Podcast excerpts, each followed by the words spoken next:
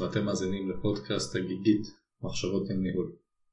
היום אני רוצה לדבר על ייחודיות. אני חושב שהמיטיבי המאזינים בטח יזכרו שכבר דיברתי על ייחודיות בעבר, אבל בפעם הקודמת שדיברתי על זה זה היה בהיבטי איך לייצר ייחודיות של הצוות שלי, זאת אומרת שהצוות שלי יהיה ייחודי ושונה. היום אני רוצה לדבר על משהו יותר פרסונלי, על היכולת שלנו להיות ייחודיים בעצמנו כלפי כל העולם. ואני אגיד קודם כל שכשמדברים על ישראלים, אני חושב שזה משהו שיש לנו באופי הרבה פעמים, זאת אומרת הרצון הזה להיות שונה, לבלוט אה, ולעשות דברים בצורה שלנו נראית הכי נכונה, אה, זה לא מובן מאליו בכלל, אני חושב שהדבר הכי מעניין ששמעתי בנושא הוא פתגם יפני, ביליתי פעם אה, כמה שבועות ביפן, אני חושב שכל מי שהיה שם יכול לשים לב לקונפורמיסטיות של האוכלוסייה הזאת, שהם דווקא מאוד לא בולטים ולא מנסים להיות ייחודיים.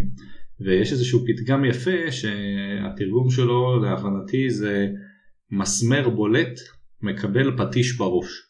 זה הפתגם היפני, שהמשמעות שלו היא למה לבלוט? אם אני אבלוט יש סיכוי שאני אחטוף, אז בוא נעשה מה שכולם עושים. עכשיו אני חושב שהתרבות הזו מביאה אותם להישגים מדהימים. לצורך העניין תחשבו על כיתה בבית ספר שבה כולם מצביעים, כולם משתתפים, כולם מתנהלים באותו אופן, איזה יופי איך אפשר להגיע לתוצאות נהדרות. מצד שני, יכול להיות מצב שאף אחד לא מצביע כי חוששים לדבר. ואני חושב שאצלנו זו תרבות מאוד שונה, ועל זה אני רוצה לדבר היום, על החשיבות בעיניי של הייחודיות הזו. אז אני אפתח בעיניי בשני סיפורים ששניהם חוויתי בעצמי, ואני חושב שהם גרמו לי לחשוב על הנושא הזה וזה אחת הסיבות לפודקאסט. אז הסיפור הראשון קרה לי שהייתי באוניברסיטה לפני לא מעט שנים, והיינו שם באיזשהו שיעור, לדעתי איזה 250 איש בהרצאה, פקולטה למדעי החברה באוניברסיטת תל אביב. ובאיזשהו שלב המיקרופון של המרצה עבד בצורה לא טובה. פתאום מהרגע לרגע כזה התחיל הרחשים כזה של המגעים וזה היה נראה שפשוט משהו שם לא עובד בציוד, משהו לא תקין. וכל הסטודנטים שמעו את זה, גם המרצה שמע את זה, אבל המרצה היה באמצע ההרצאה והוא לא היה לו בעצמה להתעסק עם זה, הוא פשוט המשיך לדבר כאילו לא קרה שום דבר. וכל הסטודנטים מתחילים להתעצבן שהם לא מבינים והם לא שומעים וזה לא עובד. ככה עוברת להרצאה, שתי דקות, חמש דקות, עשר דקות, באיזשהו שלב אני אומר לעצמי, בוא'נה, פשוט מישהו צריך ללכת למשרד של האב בית ולהביא ציוד חדש, כאילו הציוד הזה דפוק. זאת אומרת זה היה מין איזה כמו אדונה כזאת, איזה אוזנייה שהייתה לו צמודה לאוזן ומיקרופון לפה. ואני מסתכל שמאלה ימינה, אני רואה שכל הסטודנטים מתמרמרים, ואמרתי יאללה טוב אני אקום. הלכתי, הגעתי לאב בית, ביקשתי ממנו מדונה חדשה, הביא לי, חזרתי חזרה, לא לקח יותר משלוש דקות, והבאתי למרצה את המדונה החדשה ופתאום הכל הסתדר. ואני זוכר שאני שואל את עצמי כאילו בדיעבד, אני אומר למה אני זה שקמתי? היו מאות אנשים בהרצאה הזאת, כאילו מה היה מיוחד בזה שדווקא אני קמתי ואמרתי בוא נעשה שינוי. אז זה סיפור אחד שרציתי לספר. הסיפור השני קורה לי לא מעט לאחרונה האמת, דווקא בעולם הווירטואלי הזה שכולנו נמצאים בו עכשיו בשיחות הזום האינסופיות האלה, קוראים מדי פעם אה, שאיזשהו עובד מסוים, גם בשיחות של עשרות ומאות אנשים, לא שם לב שהוא לא על מיוט, ועושה רעשים, נגיד אתה שומע אותו מקליט או דברים כאלה. עכשיו, זה קורה לא מעט, ואתם רואים שלפעמים כשיש איזה עובד כזה, אף אחד לא מעיר לו על זה. זאת אומרת העובד ממשיך לייצר את הרעשים האלה ולי זה תמיד מפריע, זאת אומרת מפריע ברמה כזאת שאני מנסה להשיג את הבן אדם ולהגיד לו אחי כאילו שים מיוט.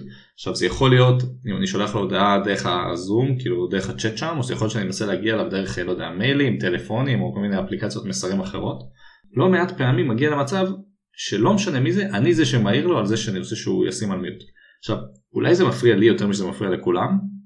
בעיניי זה שוב קשור לדבר הייחודי הזה של כולם מוטרדים מזה שיש מישהו שמרעיש במיוט, אבל לא הרבה אנשים מרגישים את הצורך לעשות משהו אקטיבי וייחודי כדי לפנות אליו. אז אני חושב שיש פה עניין של פרואקטיביות, יש פה עניין של ייחודיות ויש פה עניין של לא להיות כבול למוסכמות ולעשות משהו למרות שזה לא סטנדרטי. ואני לא דווקא אומר את זה עליי, אני אומר את זה באופן כללי, שאני חושב שהסיפור הזה של הייחודיות בא גם בהיבט הזה של לא צריך להיות כמו כולם, וזה שזה מפריע לכולם ואף אחד לא עושה משהו בנידון, לא אומר שאתה לא צריך לעשות משהו. אז כאן המסר שאני מנסה בעיקר להעביר בהקדמה הקצת ארוכה הזאתי זה שאני חושב שהייחודיות והפריצה קדימה והרצון להיות אקטיבי זה משהו שאנחנו צריכים להתעקש עליו והוא חלק אינטגרלי בעיניי אה, מעובד טוב וגם ממנהל טוב. ואני רוצה להגיד על זה כמה דברים, זאת אומרת למה זה חשוב. אז דבר ראשון שאני אגיד זה שקודם כל לא חייבים להיות אקטיביים תמיד ולא חייבים תמיד להיות אלה הייחודים שבולטים. אוקיי, אפשר גם להיות לפעמים כמו כולם וזה בסדר לשבת בספסל האחורי ולא חייבים תמיד לפרוץ אמ, אבל אני חושב שיש מקרים שבהם כן צריך לעשות את זה. אוקיי, אז הנקודה הראשונה שאני אגיד זה שלא חייבים לעשות את זה תמיד, בסדר? אבל כן יש נקודות שבעיניי זה משמעותי, ולמה זה משמעותי? אז הנקודה השנייה שאני אגיד זה שבעיניי בדרך כלל זוכרים את החבר'ה הייחודיים. המנהלים הבכירים זוכרים את העובדים שככה פורצים קדימה ושלא מפחדים מהמוסכמות ושעושים דברים שנראים להם נכונים. אפילו לפעמים שזה גובל באיזשהו משהו אני קורא לזה עברייני לפעמים, אוקיי? זאת אומרת יש איזה משהו שכולם עושים ואתה חושב שצריך לעשות אחרת ואתה עושה את זה לא תמיד אם לקבל אישור אני אוהב את הדברים האלה. לא כולם אוהבים את זה ויש מנהלים שזה מאוד יפריע להם שמישהו ככה יעבור על הכללים. אני טוען שהייחודיות הזאת היא באה לידי ביטוי לפעמים גם בלעשות משהו שהוא לא סטנדרטי ולפעמים זה משהו שאתה לא יודע אם זה מאושר או לא. אני מודד את האנשי לעשות את זה. יש גם את המשפט המפורסם של משה דיין שאמר שאתה לא יכול להיות אה, חייל טוב בצבא אם לא נכנסת לכלא איזה פעם אחת. אז אה, אני לא אומר שכולם צריכים להיכנס לכלא ואני אומר שבסוף יש כללים שצריך לפעמים לאתגר אותם. אז זו הנקודה הראשונה, זוכרים את אלה שעושים את הדברים הגדולים האלה ולפעמים זה בסדר לעשות את הדברים שאני קורא להם קצת עבריינים. נקודה שנייה שאני ארצה להגיד זה שהיציאה הזו מהמוסכמויות בעיניי היא מעודדת חשיבה שונה וחשיבה ייחודית. והחשיבה הייחודית הזאת היא משהו בריא לארגון. אוקיי? זאת אומרת עצם ההבנה שאני כאינדיבידואל יכול לעשות דברים אחרת בעיניי זה מאוד חשוב כי לא רק שאני אעשה את הדברים האלה אני גם אחשוב שונה ואני גם ארשה לעצמי לחשוב שונה. ואני חושב שזה מאוד טוב שיש לנו את ההטרוגניות הזאת החשיבתית. כן יש משהו, מדברים על זה הרבה היום, על זה שרוצים שהארגונים יהיו ככה עם שילוביות גבוהה עם הרבה אנשים ממקומות שונים. אני חושב שבסוף מה שאני רוצה להעביר בנקודה הזאתי, הייחודיות המחשבתית הזאתי גם מביאה לנו לאיזושהי תרבות הטרוגנית שאני חושב שהיא מאוד טובה לארגון. כי ארגון לא צריך שכל האנשים יחשבו אותו דבר, אנחנו צריכים שאנשים יחשבו שונה ואני חושב שהפרואקטיביות הזאת והרצון הזה להיות ייחודי ולבלוט עוזר לייצר את התרבות הזאת. זהו, הנקודה האחרונה שאני אגיד זה שבעיניי הייחודיות הזאת זה כיף. כלומר איזה משעמם זה ארגון שבו הכל אותו דבר וכולם מתנהלים באותו אופן.